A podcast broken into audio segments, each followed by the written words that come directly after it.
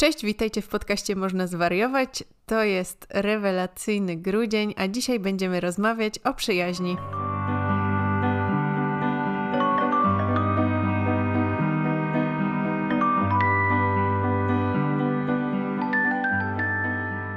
Przyjaźń, no taki temat, który gdzieś może troszeczkę łączyć się z tymi, które dotychczas poruszałyśmy, czyli z rodziną. Mm, czasami tak się zdarza, że z rodzicami tworzy się jakaś taka bliższa relacja. Aczkolwiek słyszałam kiedyś, że jak jest się na, w nastoletnim wieku, to nie powinno się przyjaźnić z rodzicami że właśnie od, od, tego są ci rówieśnicy. No ale na pewno też w relacjach romantycznych o taką ten, tą cząstkę przyjaźni też warto zadbać. Natomiast no, dzisiaj porozmawiamy już tak stricte o tych e, znajomościach bez e, kontekstu rodzinnego i seksualnego, czyli po prostu o przyjaciołach. Tak, czyli y, o ludziach, których znamy, którzy nie są naszą rodziną, nie są naszymi partnerami bądź partnerkami i też nie są przechodniami na ulicy. To oni. Dokładnie. To im dedykujemy ten odcinek. A z czym zaczynasz dzisiaj, Ania? Ja zaczynam właśnie w łóżku, w sumie na łóżku, bo jakby jestem na takim jakby pościelonym łóżku z właśnie mm, update'em mojego chipa do wersji 3.0 y, Moderna. E, no i tak jest nawet ok. Myślałam, że, że jakoś bardziej mnie to e, przeora. Mm, myślę, że miałam jakąś tam lekką temperaturę, ale nawet sobie nie mierzyłam. No, ręka trochę boli. Jakby co, to ten odcinek nie jest sponsorowany przez Ministerstwo Zdrowia. Tak, partnerami tego odcinka są Lekko, CBD i ULB, a nie Ministerstwo Zdrowia. Może innym razem. Tak, to zaznaczam, bo kiedyś zostałam o to posądzona, że promuję takie rzeczy. A, a tak poza tym to właśnie spędzam moją, um, mój czas rekonwalescencji poszczepionkowej na oglądaniu takiego jakby Masterchefa, tylko o czekoladzie na Netflixie. Nazywa się School of Chocolate. Bardzo ciekawe. Co, co, co jeszcze fajniejsze, to jakby tam jest chyba 8 osób i nikt nie odpada, czyli z odcinka na odcinek wszyscy przechodzą jakby tak jakby zbierają to punkty, zbierają to doświadczenie i oni robią jakieś takie kosmiczne rzeźby z czekolady, co trochę, znaczy robią też desery, jest konkurencja deserowa i właśnie te rzeźby. No i te rzeźby trochę mam takie poczucie, że rany, co zajmuje po prostu, nie wiem, przeliczeniu na tabliczki czekolady, to oni tam zużywają chyba już tysiące ich, może setki tysięcy. Nie wiem, no może miliony. Tam się po prostu leje ta czekolada z takiej fontanny i możesz sobie ją nabrać i ona potem zastyga. No trochę jakby marnowanie tej czekolady, no bo czy ktoś potem je te rzeźby? Chyba nie, ale no jest to ogólnie dość wciągające. No jak to? No nie, bo to jest piece of art, w sensie oni po prostu to podziwiają. Czy to sprawia, że zaczynasz się zastanawiać nad tym, czy wybrałaś właściwą ścieżkę kariery? nie, no wiesz co, jakby wydaje mi się, że to pieczenie i ogólnie takie robienie w kuchni to jest chyba jednak bardziej moje hobby, bo ja zawsze byłam taka dość nieestetyczna w tym. W sensie zawsze miałam problem. Jak chodziłam kiedyś na plastykę, to też miałam problem, że wszędzie były odciski moich palców, albo coś mi tam skapnęło. I z ciastami też tak zawsze miałam, że nie, nie, nie mogłam być takim metr chocolatier albo jakimś tam właśnie e, no takim wykwintnym deserowcem, cukiernikiem. Ale mm, I'm happy with what I am. A co u ciebie? Ja myślę, że ja bym mogła być takim metr szokoladzie. No. Bardzo, naprawdę. Nawet w pewnym momencie rozważałam szkołę cukierniczą.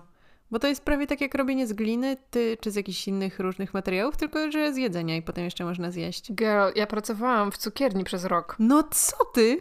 Nie wiedziałaś o tym? Nawet jeśli nic innego ciekawego nie powiemy w tym odcinku, to, to już on zyskał tę wartość tej wiadomości. To robię taki spoiler, bo będzie o tym rozdział w mojej książce. O tym, jak pracowałaś w cukierni przez rok? To się nie o tym, jak, jak ja tam pracowałam, tylko będzie taka metafora cukiernicza. Stay tuned. Co u ciebie? No, ja chyba doświadczam takiego przeciążenia. Za dużo rzeczy sobie wzięłam naraz, albo one się aktywowały w tym samym czasie i e, jakiś czas temu um, ktoś mnie zapytał w jakimś Q&A czy w jakimś czymś tam, e, czy doświadczam ataków paniki, e, a, a takie właśnie kwestie lękowe czy ataków paniki to jest, była do tej pory dla mnie dosyć odległa rzecz, bo wiązała się z moim życiem przed szpitalem, czyli jeszcze przed leczeniem, no to nie biorę tych rzeczy w ogóle pod uwagę jako takie moje aktualne życie już na dobrych ustawieniach. No i ostatnio właśnie, nie wiem, czy to wyszło tak przypadkiem, że czy uznałam, że okej, okay, dobra, sprawdźmy, jak tak najbardziej mogę się przeciążyć i co się wtedy stanie. I przypadkiem właśnie to zrobiłam. Widzę, że jeśli tą zmienną jest właśnie stres i takie przeciążenie w robieniu rzeczy, to od razu się pojawiają takie rzeczy somatyczne, jak właśnie takie y, lękowe samopoczucie, ataki paniki, których ja nie doświadczałam od 10 lat mając tę świadomość, mogę tym jakoś tak zarządzać w miarę racjonalnie, nie? Więc stosuję te wszystkie metody oddychania i tak dalej. I z jednej strony przeżywam to. Słuchać naszego odcinka w pigułce odnośnie ataków paniki? Ja to znam na pamięć. E, ale przeżywam to świadomie, będąc w tej sytuacji, ale jednocześnie patrzę na to trochę tak z perspektywy, że okej, okay, ale ja mhm. wiem, co to jest. I też wiesz, co to spowodowało. Tak, i dlaczego nie mogę tym tak zarządzać, że to nie jest tak całkowicie pod moją kontrolą. Więc y, no właśnie na przykład dzisiaj y, uznałam, że okej, okay, muszę chwilę odpuścić i, i poszłam na wspinanie w tygodniu. Co wcześniej robiłam zawsze, a teraz nie miałam czasu i myślę, że bardzo dobrze mi to zrobiło i trochę przewietrzyło głowę. Czyli jednak sport, sport, sport. No nie, no ja wam mówię od początku, to jest, to jest przepis na szczęście, ulubiony sport. To w odcinku o hobby. No właśnie, sport, sport to też może być jakiś taki element spajający do przyjaźni. Tak. Co za segway. O, wow. Bardzo mnie uderzyło właśnie e, i tutaj ponownie e, w ostatnim odcinku też robiłam porównanie, jak przez krótki czas mieszkałam w Stanach e, i tu ponownie kiedyś doświadczyłam takiego, takiej różnicy właśnie, czym różni się to słowo friend po angielsku niby przyjaciel, ale też tak naprawdę kolega, znajomy, e, ktoś, kogo poznałaś raz. No bo po angielsku znajomy to jest acquaintance, ale nikt nie używa tego słowa prawie, nie? No tak, jest też jakieś takie niewygodne. Bardziej jest rozróżnienie na friends i close friends. Tak, no właśnie i pamiętam, że ktoś e, zapytał mnie właśnie, e, że dlaczego jesteś friends z tą osobą? I ja miałam takie, że nie jestem z nią friends w takim znaczeniu moim, tak? Bo, bo ta osoba nie, no nie zna polskiego i właśnie musiałam tłumaczyć tej osobie, że dla mnie jakby friend to jest właśnie bardziej to przyjaciel, taki właśnie close friend, a, a że ja po prostu no znam tą osobę i jakby no trochę się z nią koleguję, tak? Spędzam razem czas, ale to nie znaczy, że ta osoba jest mi bliska i że jakoś chcę rozwijać tą relację. I, i faktycznie... Mm, Tutaj akurat e, język polski się e, przydaje, bo tak jak wielokrotnie e, brakowało nam jakiegoś rozróżnienia, tak tutaj właśnie to słowo przyjaciel czy znajomy, kolega, koleżanka jest już bardziej adekwatne, wydaje mi się, i ułatwiające, bo też zauważyłam, że um, no jednak w Polsce, mimo że to, to rozróżnienie istnieje, to dużo rzadziej używamy chyba tego słowa przyjaciel, już szczególnie w tych starszych pokoleniach. W sensie nasze jeszcze też tak w miarę rozważnie go używa, a te młodsze pokolenia też widzę po gabinecie, jak przychodzą młodsze roczniki niż ja, to tak już trochę mówią, a tak właśnie w liczbie mnogiej, że tam tych przyjaciół to można mieć 20 czy 10, co mi się wydaje nie do pomyślenia osobiście. Mm, no ale to też o tym porozmawiamy, może właśnie czym się różni mm, ta ilość od mhm. jakości. A no właśnie, ilu ty masz przyjaciół? No ja, ja lubię właśnie czasami e, tak dramatycznie powiedzieć, że mam trzy koleżanki. E, i, I tak, no myślę, że to są takie osoby, które już znam bardzo długo, którym mogłabym faktycznie powierzyć jakieś swoje sekrety i, i nie wiem, prosić o poradę i tak dalej. No ale też mam innych bliskich znajomych, z którymi na przykład łączy mnie coś innego i z którymi lubię spędzać czas w jakiś określony sposób, albo z którymi lubię rozmawiać o jakimś temacie, z którym nie mogę porozmawiać z kimś innym. Więc jednak cenię sobie tą jakość, chociaż e, przez na przykład okres liceum i, i jeszcze potem na studiach y, miałam takie właśnie marzenie, żeby mieć tą paczkę znajomych, jak właśnie w tych wszystkich serialach amerykańskich.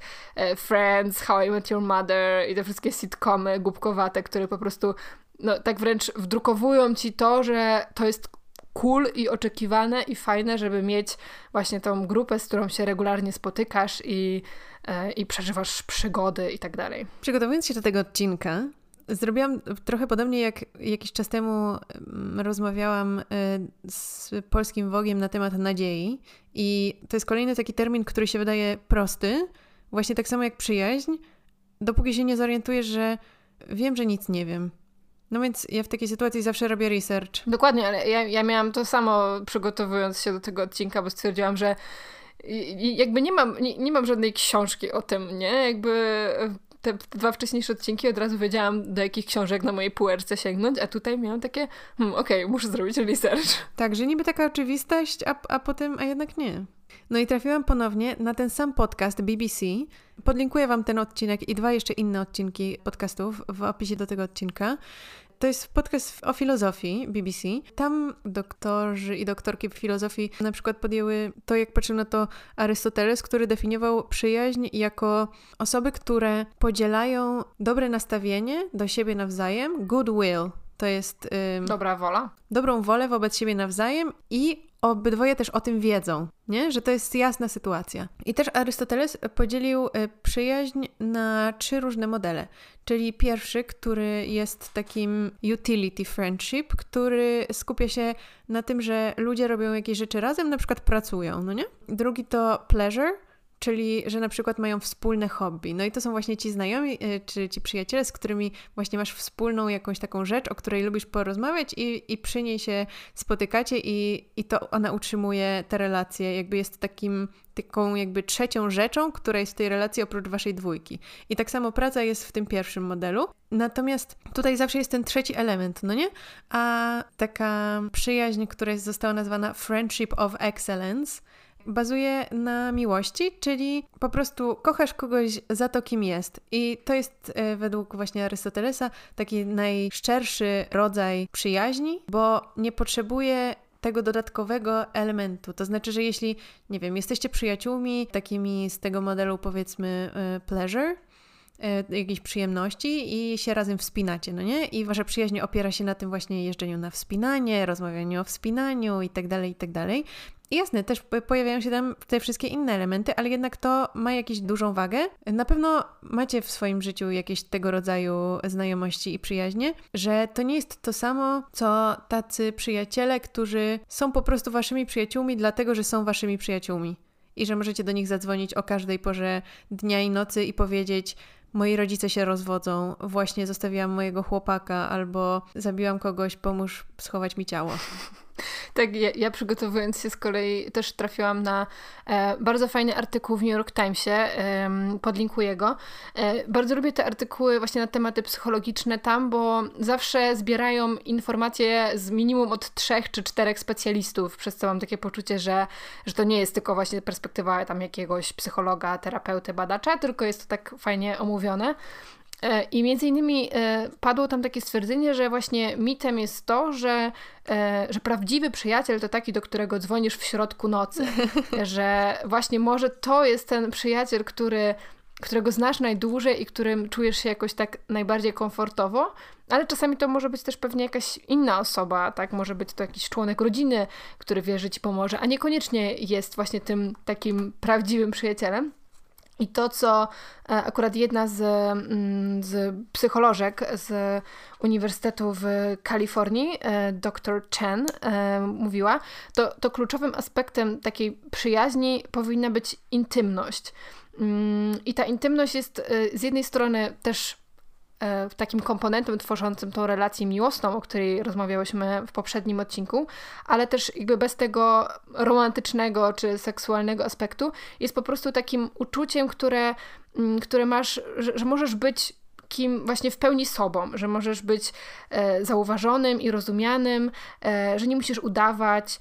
I ona nawet mówiła, że. Nie jesteś oceniana. Tak, że, że jeśli, e, jeśli ludzie wokół nas nas nie rozumieją, nie czują, tak, w takim. Nie, nie wiedziałam, jak to przetłumaczyć, że they don't get us to, to jest, ta, ta, ta intymność jest wtedy niemożliwa, że, że tak, y, to może jest właśnie takie uczucie, gdzie możesz zrobić jakiś głupi żart, albo nie wiem, dułać w nosie, albo powiedzieć coś, y, coś głupiego, z czego mm, możesz czuć jakieś zażenowanie, ale wiesz, że ta osoba cię właśnie jakoś nie oceni, że ona, że nie musisz przed nią udawać, albo wiesz, tak jakby popisywać się, jak w podstawówce, żeby się komuś przypodobać, tylko y, masz taką więź, która jest jakoś unikalna dla Was i, i tak naprawdę każdy, każda z tych osób może być sobą. I właśnie drugim też kluczowym, ważnym komponentem yy, jest ta wzajemność, bez której też ta intymność byłaby no taka niekompletna, no bo jeśli jedna osoba się odsłania i jest 100% sobą, a druga jednak jakoś udaje, wchodzi w rolę, stara się przypodobać, no to, to też nie jest wtedy chyba taka szczera intymność, więc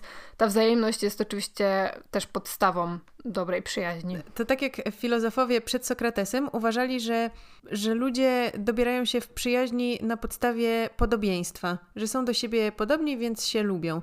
Natomiast Sokrates zauważył, że w takiej sytuacji jest e, czasami zbyt duża przestrzeń e, na rywalizację, co może sprawiać, że ta sytuacja, mimo że pozornie taka pozytywna, w pewnym momencie może stać się nawet taką toksyczną i że Ostatecznie bardziej się to sprowadza do tego, że każda z tych osób jest dobra, więc przyciąga inną dobrą osobę, ale ona nie musi być koniecznie tak bezpośrednio do niej podobna na jakichś takich konkretnych płaszczyznach, nie? Po prostu to samo, sam fakt, że są dobre osoby, dobre dla siebie, jest wystarczającym podobieństwem. Czyli trochę ta, ten frazes, tak, że przeciwieństwa się przyciągają, też może się tutaj sprawdzić. Mi się to skojarzyło z takim nawet głupim porównaniem, jak miało się e, jakichś znajomych w dzieciństwie, ja dzwonię, ty mówisz. Czyli po prostu jakoś te role się uzupełniają. Tak, tak podejrzewam, że i w dorosłych przyjaźniach no jakoś właśnie się uzupełniamy, nie? I, i myślę, że to jest wtedy no też cenne, tak nawet życiowo. Jeszcze jedną mm, fajną myślą, którą wyciągnęłam z tego artykułu, to że było takie stwierdzenie, myślę, że też pociągniemy ten temat, że w dorosłym życiu te przyjaźnie są jednak bardzo trudne do stworzenia i, i była taka teza, że one są dlatego tak ważne, że jak już zbudujesz tą przyjaźń, to, no to nie chcesz jej stracić, bo wiadomo, że wchodzi w to dużo wysiłku, mm, żeby ją utrzymać, tak, czy żeby ją zbudować. Te dorosłe przyjaźnie. Tak, dlatego... Um, Dlatego one są też tak trudne, nie? że jakoś tak e, cenimy je wtedy. Tak, wydaje mi się, że no właśnie jest ten temat tego, e, kto jest Twoim najlepszym przyjacielem. Czy to jest koniecznie Twój najstarszy przyjaciel, czy to może być Twój, w cudzysłowie, nowszy przyjaciel, ale z którym teraz spędzasz najwięcej czasu i który najbardziej który lub która najbardziej rezonuje z tym, w jakim momencie życia jesteś e, teraz. Wydaje mi się, że dla każdego ta odpowiedź będzie bardzo indywidualna, bo różne rzeczy są dla nas ważne. Natomiast ja na przykład nie mam żadnych przyjaciół z żadnej szkoły, do której chodziłam. Nigdy nie, nie było mi łatwo się dopasować. Szczerze mówiąc, nie mam żadnych znajomych z żadnej szkoły, do której chodziłam. Jakoś nigdy nie było mi łatwo też zawierać takich znajomości, więc to na pewno jest jeden z powodów, ale też jak teraz patrzę sobie na moich przyjaciół, którzy są skrajnie od siebie różnymi osobami z różnych środowisk, z różnych miejsc, w różnych momentach życia przeze mnie poznanych, to mam wrażenie, że właśnie to były takie bardzo świadome wybory, że to nie było tak, że ktoś mnie posadził z tą osobą w ławce i jakoś to już poszło i tak minęło nam 20 lat. Ja mam dokładnie te, z, to, z takiej sytuacji przyjaciółkę. Usiadłyśmy razem Naprawdę? pierwszego dnia liceum i akurat to się okazała najlepsza osoba z całej klasy dla mnie. O, super. Pozdrawiam cię, Ola. Ja też się pozdrawiam, Ola. No nie, ale ja nie mówię, że takie rzeczy się nie zdarzają, absolutnie. Nie, no jasne, rozumiem. Ale to, to był po prostu przypadek. Przypadek, a może przeznaczenie. No, może przeznaczenie. No, natomiast jak już e, wspominałam, ja mam z tym większe trudności i mam wrażenie, że wszyscy moi obecni przyjaciele, przyjaciółki to są osoby tak e, bardzo, wiesz, e, kuratoryjnie wybrane. Takie, że no nie jest mi łatwo tak rozmawiać w taki sposób z każdą osobą, wręcz z większością nie. Więc jak już zauważam, że z kimś mam tą taką więź, która jest nie do pomylenia, to po prostu wiem i wtedy następuje y, zaklepane i przyjaźnimy się wtedy. It's a fact. Taki, tak już jest. Czyli to jest ten gut feeling? Gut feeling? No, może można tak nazwać. Nie wiem, ale po prostu w pewnym momencie, no nie wiem, nie wiem skąd to wiem, ale po prostu to wiem. Znaczy tak, no teraz moi przyjaciele to są osoby, które już znam wiele lat, ale ja już wtedy wiedziałam, że to są one, no nie? Że to jest tak jak, jak spotykasz kogoś i myślisz sobie, o, jak dobrze, że już w końcu na siebie wpadliśmy. Ile można było czekać? Chcę się z nim kolegować. A w którym momencie wiesz, że właśnie to jest już ta przyjaźń, nie? Że, nie, nie, że to jest ta osoba, z którą chcesz się jakoś właśnie zaprzyjaźnić, tylko że to już jest właśnie ten hmm. stan dokonany, ten, ta szczególna relacja. Czy to właśnie jest zależne od Świetne pytanie. tego, jak często się komunikujecie, kontaktujecie, czy spotykacie, bo to też była jedna z kwestii dziś poruszanych w literaturze, na które trafiłam, że właśnie ta, mm, no ten wysiłek, który należy włożyć właśnie i, tam, i ta regularność jest też bardzo ważna dla przyjaźni, że e, to, że nieważne czy kontaktujecie się telefonicznie, tak, czy nie wiem, skype'owo, czy widzicie się e, fizycznie, to jednak e, no, ta przyjaźń też cechuje to, że jesteście mniej więcej na bieżąco ze sobą, nie? Tak, tak, tak. Rany, mam wrażenie, że przemyślałam to już tyle razy, ale jednocześnie to dalej jest jakaś, jakiś taki temat, że tak nie do końca w sumie sama wiem, jak, jak to tak y, usystematyzować. Y, w moim przypadku w którym momencie wiedziałam, bardzo ciężko powiedzieć, bo te przyjaźnie są z bardzo różnych miejsc. No, na przykład z jedną moją przyjaciółką e, przeżyłyśmy razem zamach terrorystyczny.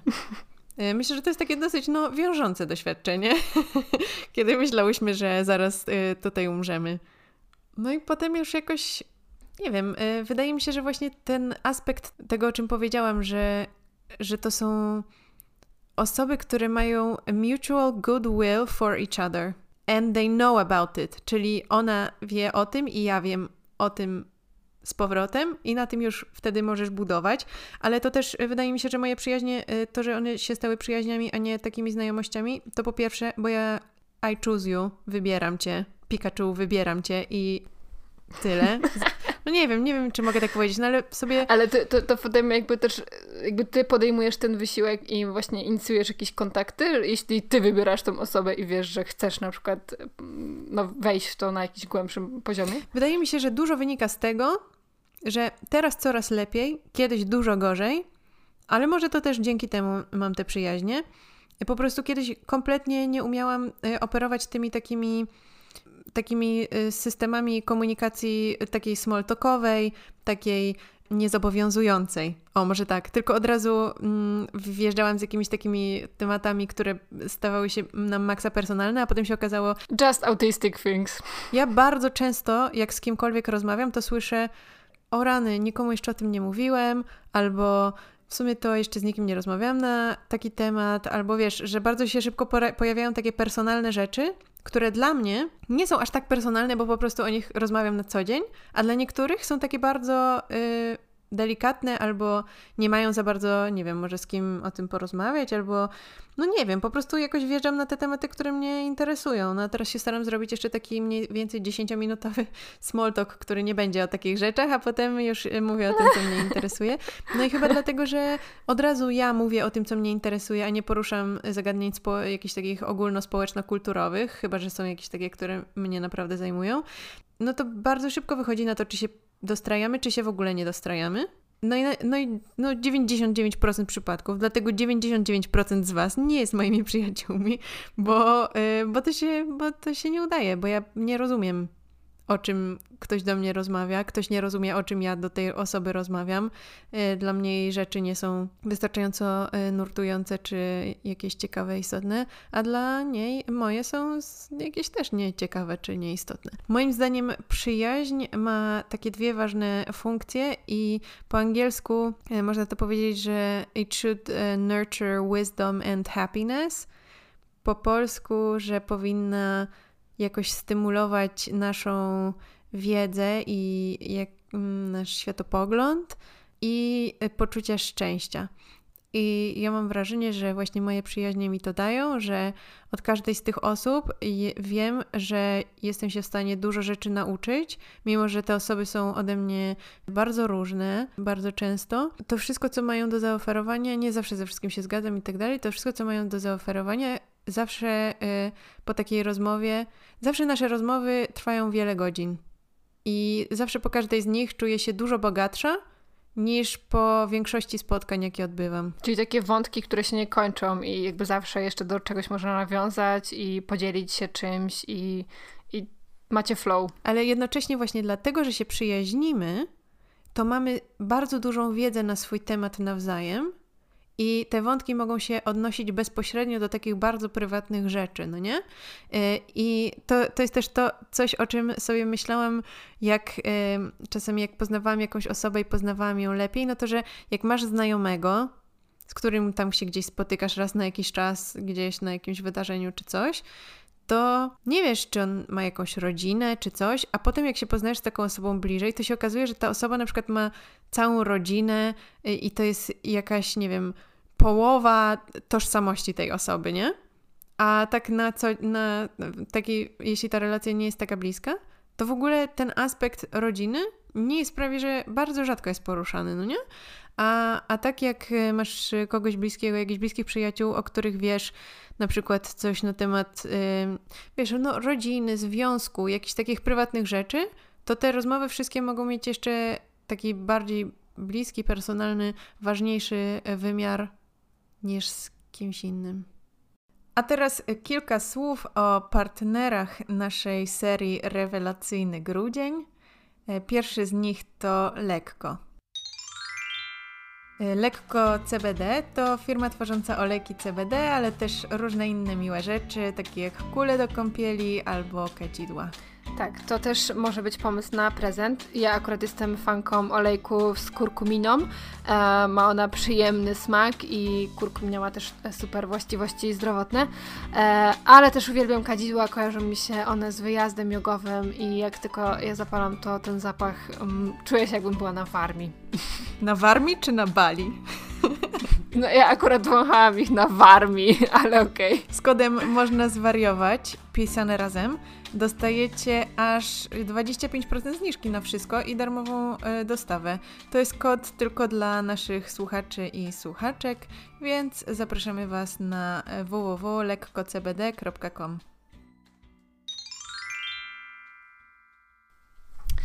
drugim naszym partnerem, którego może już znacie, jest wellbe.pl, e, czyli platforma psychoterapeutyczna, której ideą jest zapewnienie Ci wsparcia wtedy, kiedy tego potrzebujesz i gdziekolwiek jesteś. Jeśli zmagasz się z trudnościami z obszaru zdrowia psychicznego albo szukasz rozwoju osobistego, to Wellbe połączy Cię z wykwalifikowanymi specjalistami zdrowia psychicznego z obszaru psychoterapii, psychodietetyki, seksuologii i różnych innych. W Wellbe możecie umówić się na wizytę online albo stacjonarną w gabinecie. Możecie też liczyć na bezpłatne, organizacyjne i psychoedukacyjne wsparcie opiekunów terapii, którzy doradzą, jakiego specjalistę wybrać, e, jakiego nurtu specjalisty szukać, czy jak przygotować się do wizyty. Zachęcamy Was do zaobserwowania Instagrama Wellbe. Tam znajdziecie bardzo dużo fajnych psychoedukacyjnych treści, a także informacje o nadchodzących webinarach albo innych ciekawych wydarzeniach. Po więcej szczegółów na temat platformy i jej usług udajcie się na stronę wellbe.pl. Mamy też dla Was świąteczny prezent od Wellbe e, z kodem XMAS. E, znajdziecie go w opisie odcinka. E, macie 40 zł zniżki na pierwsze trzy spotkania z terapeutami Wellbe. Myślę, że warto korzystać, tym bardziej w tym intensywnym okresie. Jeszcze tak a propos tego, co, co mówiłaś, właśnie tego, jakby skąd wiesz, że ktoś może być Twoim przyjacielem i jak potem to utrzymywać, e, to w moim researchu znalazłam, trafiłam też na mm, psychiatrę i, i neuronaukowca, neurobadacza, doktora Amira Levin, który jest autorem serii książek e, właśnie o relacjach, o związkach. E, nie wiem, czy, mm, czy one były już tłumaczone na polski, ale to są książki o takich e, tytułach attached. Mm, I on bardzo fajnie opisał właśnie takich pięć elementów przyjaźni, które jakby stanowią o mm, takim poczuciu bezpieczeństwa, jaki możemy mieć w tych relacjach.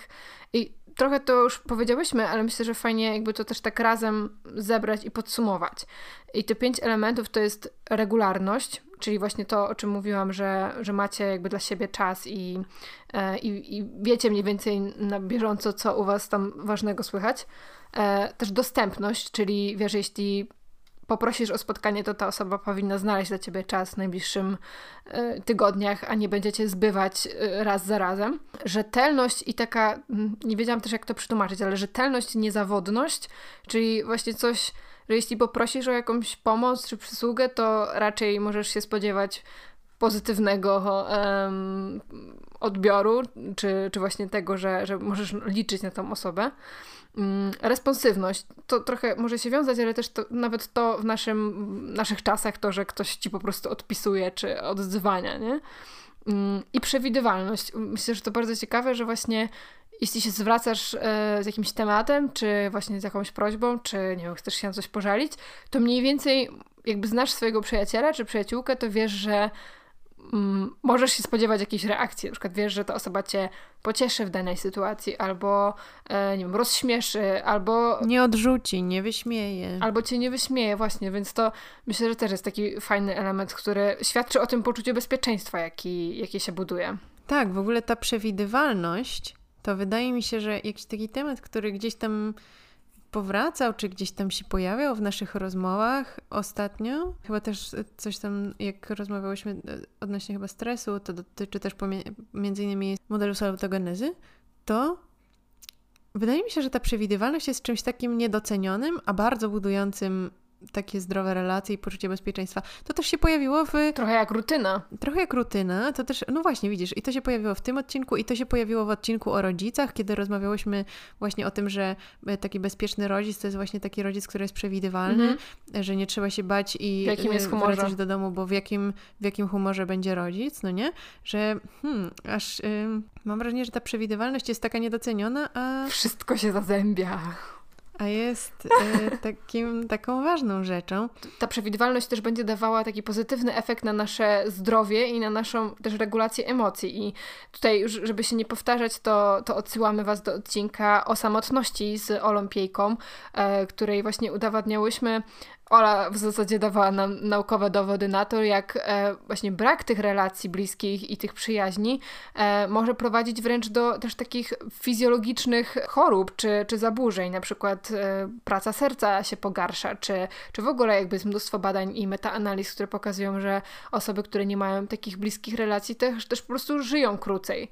Co oczywiście nie musi być jakby jak złotą regułą, ale jest to jakaś większość. I ja też znalazłam właśnie w e, tutaj ponownie dr Serena Chen, która mówiła, że kiedy mamy tą intymność e, z kimś, e, to doświadczamy zarówno tych pozytywnych reakcji psychicznych, czyli jakby czujemy się dobrze, jest nam fajnie, jak i fizycznych, czyli jakby nasza fizjologia się polepsza i, i Tutaj Ola właśnie mówiła o wielu, mm, wielu takich badaniach, właśnie jak i w ciele, umyśle i w sercu. I, I to serce nie chodzi o tą taką uczuciową sferę, tylko właśnie o serce jako organ, o pracę serca, co jest no, niezwykle ciekawe. Drugim aspektem jest też to, że relacje są, i tu kolejny most robimy z, do odcinka z Olą o emocjach, e, że relacje są najbardziej takim mm, no, wartościowym, sprawdzonym sposobem na regulowanie e, naszego właśnie stresu, naszych emocji, że to jak dzielimy się naszymi emocjami, wyrażamy je, jest jedną z najlepszych strategii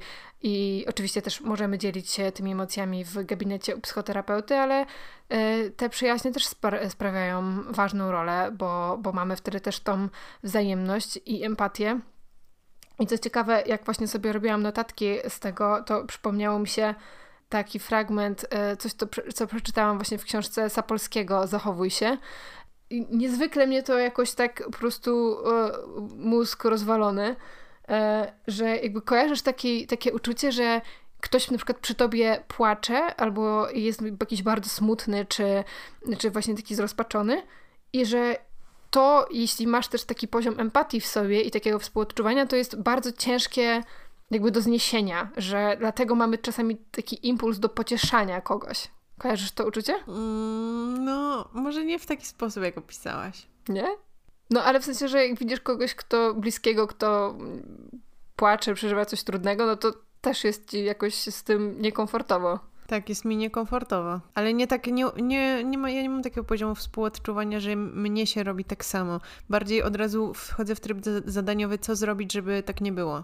No właśnie i to, to właśnie, y, jak, jeśli wchodzisz w ten tryb i chcesz jakoś od razu zniwelować to poczucie e, smutku u tej osoby, to znaczy też, że tak naprawdę chcesz zniwelować to poczucie smutku u siebie, że jakby dla nas y, to jest tak samo, jeśli widzimy przyjaciela, który cierpi, to jest dla nas tak samo jakby bolesne często, czy właśnie takie niekomfortowe, że naszym naturalnym odruchem jest właśnie to pocieszanie, czy szukanie jakichś rozwiązań, e, żeby też jakby samemu nie dealować z tym uczuciem, że jakby jak najszybciej chcemy te, tego uniknąć, co myślę, że no właśnie z jednej strony to, to może być ciekawe, no bo możemy komuś pomóc i faktycznie generować jakieś pomysły, ale dla niektórych osób albo dla niektórych sytuacji to może być e, zupełnie nie na miejscu, bo właśnie może ta osoba, która coś trudnego przeżywa, chce w tym momencie e, tylko tego, że, żebyś była przy niej czy przy nim i chce tego właśnie potwierdzenia tych emocji i chce, żebyś ty się razem z nią nad tym sprawą użalała czy użalał, nie?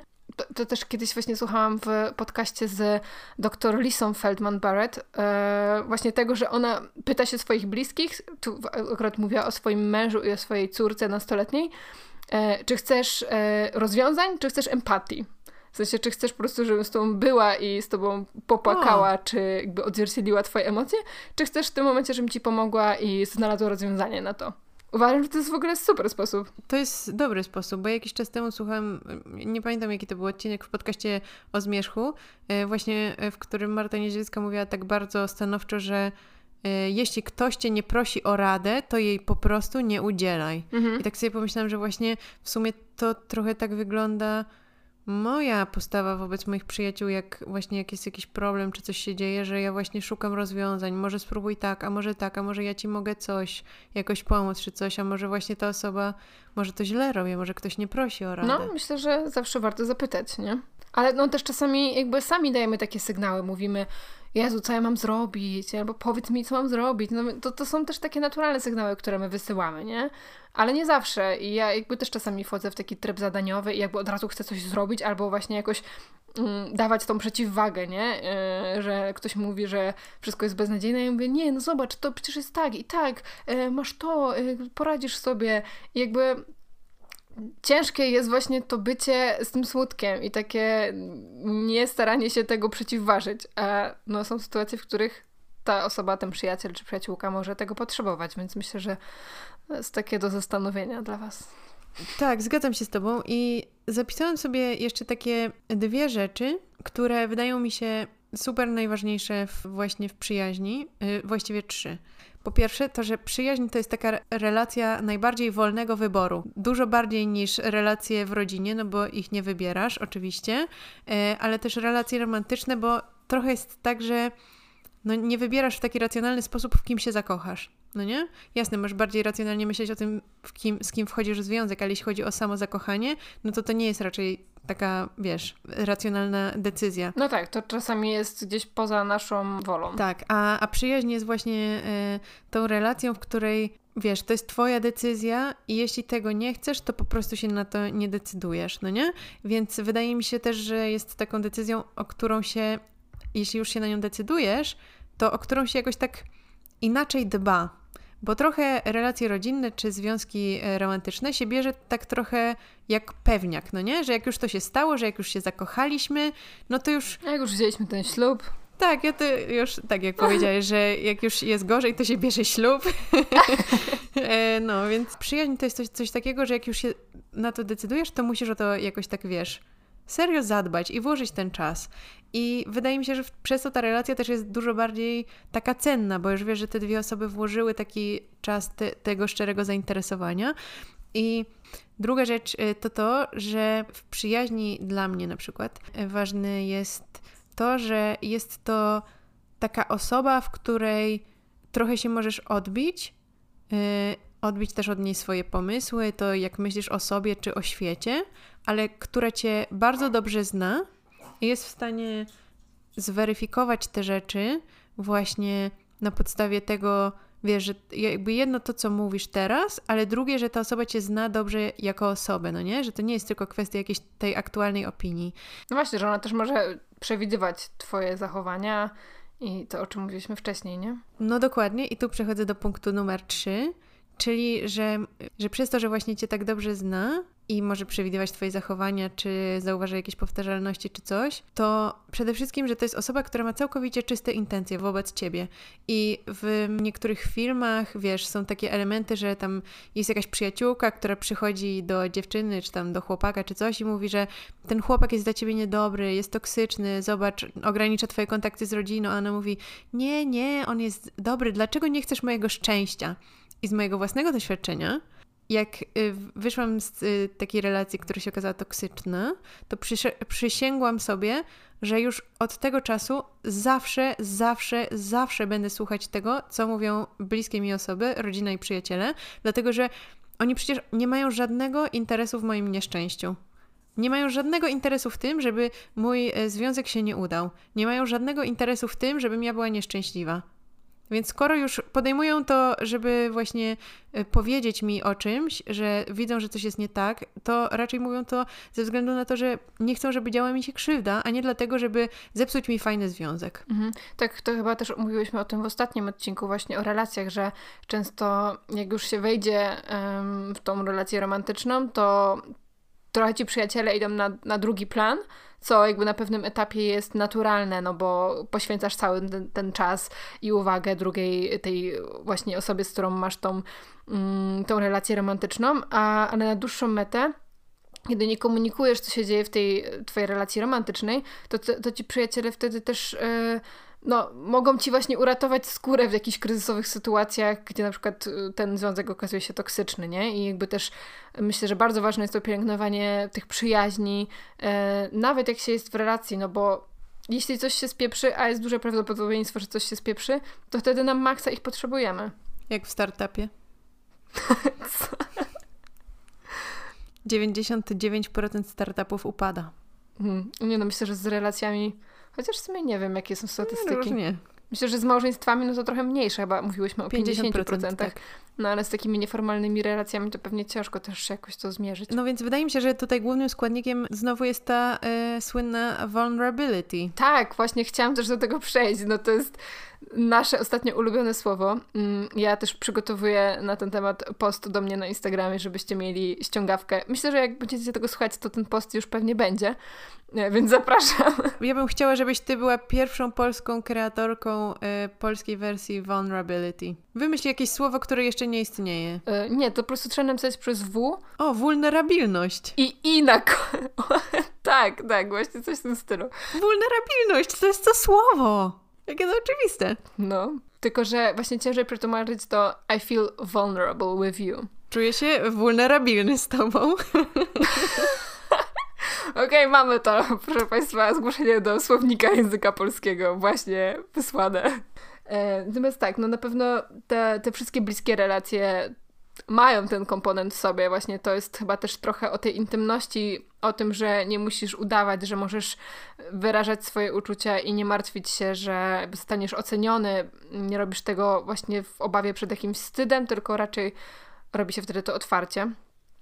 I co ciekawe, przypomniała mi się jeszcze taka jedna historia, i to też um, w odniesieniu do tego, co chciałyśmy poruszyć, czyli jak poznawać e, przyjaciół w dorosłym życiu, co, co jest bez wątpienia trudne i jeśli mm, nie traficie akurat, ja, ja miałam to wielokrotnie, że na przykład zmieniałam pracę, kiedy jeszcze pracowałam w jakichś tam różnych firmach, korposach, e, że nie trafiałam raczej na, może z jednym wyjątkiem, to raczej nie trafiałam na takie super osoby, z którymi bym się chciała zaprzyjaźnić.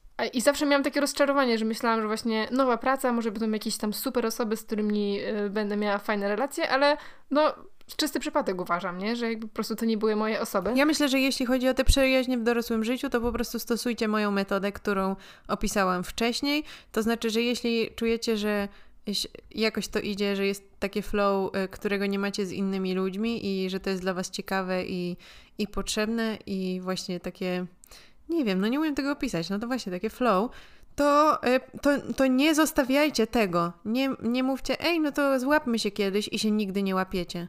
Bo z tego nie, nie będzie wtedy przyjaźni, tylko właśnie wtedy złapcie się, napiszcie tę wiadomość, albo piszcie be persistent. I to, I to na pewno jest dobra rada, żeby po prostu iść za ciosem i też być odważnym w, tym, w tych działaniach i inicjować te spotkania, ale wydaje mi się, że też wiele osób ma e, trudność w ogóle z takim że gdzie znaleźć tę osobę, jakby gdzie pójść, tak? Czy jakby jak, e, no jeśli, nie wiem, no pracujecie w jakimś tam mm, biurze, nie wiem, idziecie na siłownię, no tam też raczej nie poznacie jakiejś top przyjaciół.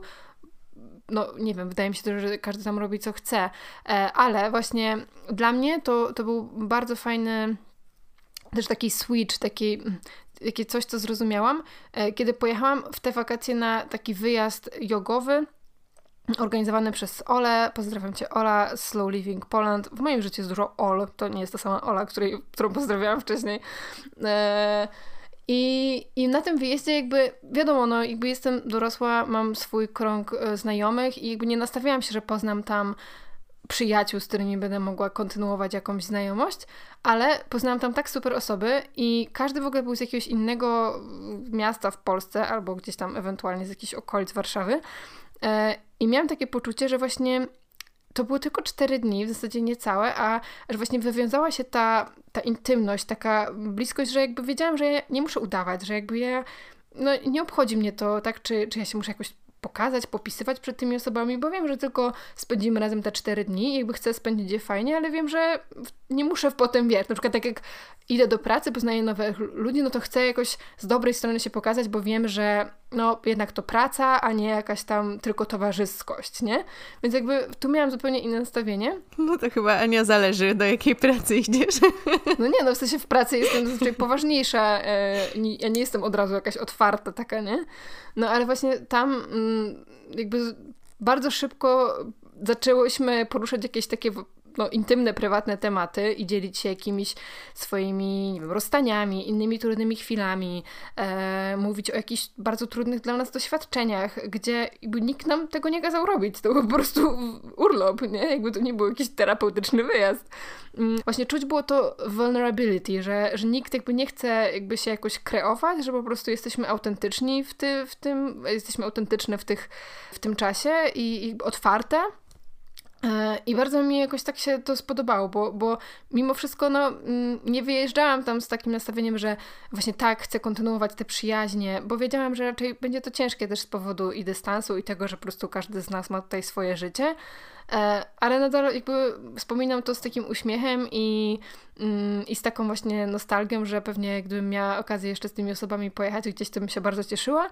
E, I po prostu jakby zabieram to jako takie fajne doświadczenie, jakby też o tym, że, że ludzie chcą być otwarci i dzielić się swoimi mm, no tym, kim są, a, a nie jakoś się kreować. To też jest piękna pochwała przyjaźni krótkoterminowych i to jest coś, o czym sobie myślałam e, jakiś czas temu w kontekście takich moich znajomości, które w pewnym momencie życia były bardzo bliskie i takie właśnie, że były na tamten moment przyjaźnią, ale e, ale kompletnie się rozmyły, bo już przesunęliśmy się względem siebie w mhm. różnych kierunkach, ale to też jest okej. Okay. I yy, wiesz, mimo że na początku może się wydawać, że dlaczego tak się stało, albo może się pojawić jakiś żal, to wydaje mi się, że to jest po prostu inny rodzaj jeszcze relacji. Takie przyjaźnie krótkoterminowe, które wynikają trochę z miejsca, z czasu, ale też z tego takiego super dopasowania na tamto miejsce i czas też mają ogromną wartość. Tak, ja, też jakoś nauczyłam się z czasem doceniać takie właśnie znajomości gdzieś z wakacji, czy, czy właśnie z jakiegoś okresu życia, e, gdzie po prostu no... One później mogą się przerodzić w różne znajomości, ale e, to, co się wydarzyło jest wasze i jest super. Ale też nie ma robić sobie, tak, nie, nie ma też robić sobie jakiegoś poczucia winy, no bo to nie jest niczyja wina, no po prostu te, te drogi się rozjeżdżają w pewnym momencie, to jest zupełnie naturalne i, i to wcale nie świadczy o tym, że ktoś się za mną postarał. Mo można też obwiniać właśnie może tą drugą osobę, co myślę, że też nie ma sensu, ale e, też nie ma co jakby chować tej urazy, nie? Że na przykład ktoś tam odwołał jakieś kilka spotkań z rzędu i na pewno chciał nam zrobić na złość. No może niekoniecznie, może po prostu ktoś zmienił swoje priorytety. Normalna rzecz. No właśnie, przecież zaczynamy wchodzić w ten wiek, w którym ludzie biorą śluby i mają dzieci te priorytety siłą rzeczy się zmieniają. Dokładnie. Na koniec jeszcze chciałam powiedzieć o ostatniej rzeczy, która wczoraj przyszła mi do głowy, kiedy zdzwoniłam się z moją przyjaciółką e, na 5 minut, e, po czym minęły 2,5 godziny i pomyślałam sobie, że bardzo mi właśnie tego brakuje i że to jest coś, y, co kiedy, kiedy właśnie nie mamy czasu, żeby się jakoś dzwonić czy coś, bo jesteśmy zajęte.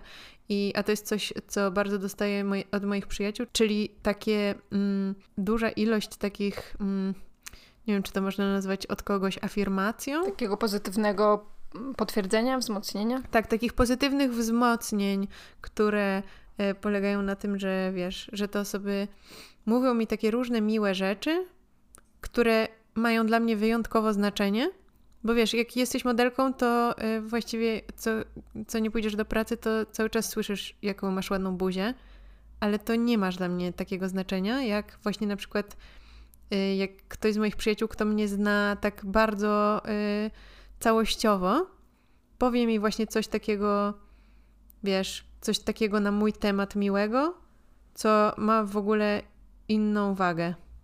I wydaje mi się, że to jest coś super ważnego i że to bardzo wpływa na moje postrzeganie samej siebie i moją samoświadomość. I że to jest takie upewniające, kiedy ja sama wątpię w samą siebie, że nie dam rady, albo że może bez sensu to robię. Wiesz? I ja się sama tego uczę i czuję, że nie jestem w to jeszcze dobra, bo zatrzymuję się na takim. Przecież jesteś taką super i mądrą dziewczyną. I no, wydaje mi się, że to jest takie dosyć biedne. No, ale właśnie myślę, że po to są ci przyjaciele i bliscy, żeby byli tą przeciwwagą, szczególnie w takich jakichś stresujących momentach, czy jakichś wyborach życiowych, nie? Że jakby też nie, nie ogarniesz sama wszystkiego. Jesteśmy zwierzętami stadnymi. Dokładnie. Wszyscy, yy, właściwie prawie wszyscy greccy filozofowie mówili to samo. Człowiek jest zwierzęciem stadnym. Ja jeszcze chciałam zakończyć yy, cytatem z doktora Lewina, którego wcześniej wspominałam, który w, w tekście New York Timesa też kończy akurat ten tekst. Mm, nie, nie są to oryginalne z zakończeniem. Um, mówi on, że ta intymność z innymi ludźmi, i tutaj nieważne, czy to partner, partnerka, członek rodziny, czy przyjaciel, czy przyjaciółka, e, to jest jakby jedna z takich najważniejszych, e, najmocniejszych sposobów na e, poczucie szczęścia, zdrowia i spokoju. I kwituje to, że jest to tak mocne uczucie, że zadziała lepiej niż Xanax. Także zostawiamy Was z tą myślą. Um, ja pozdrawiam wszystkich swoich przyjaciół. Pozdrawiamy też wszystkie Ole. Tak, i pozdrawiamy też wszystkich moich przyjaciół. Bo to pewnie wszystkie Ole są przyjaciółkami Ani. Nie, ale, ale tak się złożyło, że dzisiaj dwie wspomniałam. To do usłyszenia w jeszcze jednym odcinku e, o relacyjnym grudniu. Mm, pamiętajcie też e, o naszym Patronite, który możecie nas wspierać e, zarówno dobrym słowem, gdzieś pisząc do nas na social media, ale też właśnie finansowo, za co jesteśmy bardzo wdzięczne. E, możecie też napisać nam recenzję na Apple Podcast, to też będzie dla nas fajny feedback. Jeśli nie macie akurat social mediów, good for you. Napiszcie nam maila na podcast można zwariować.pl Dołączcie do naszej grupy na Facebooku. Mało tam się dzieje, ale ogólnie jakby polecamy. I dziękujemy też partnerom dzisiejszego odcinka, czyli Wellbe i Lekko CBD. I bardzo się cieszymy, że u tak wielu z Was wystąpiłyśmy jako ulubiony podcast w podsumowaniu roku na Spotify albo na tych listach tak, podsumowujących rok. Zaskoczenie. Nawet ja nie nadążałam z repostowaniem y, tych wszystkich Instastory, ale mam nadzieję, że udało mi się wszystkie odkliknąć i odserduszkować. Jest nam super miło. Ja chyba też wszystkie udostępniłam, bo było mi strasznie miło. Tym bardziej, że tworząc podcast nie ma takiej y, natychmiastowej gratyfikacji, nie? Że jakby nie ma lajków, serduszek pod tym, co wrzucamy na Spotify czy Apple Podcast, więc to jest tylko raz w roku. No mamy tylko wyświetlone odtworzenia, ale w sumie nie wiemy, czy wam się to podobało, czy, czy się nie podobało. Kleo właśnie ziewa. To już czas kończyć. Trzymajcie się, do usłyszenia. Pa. Pa.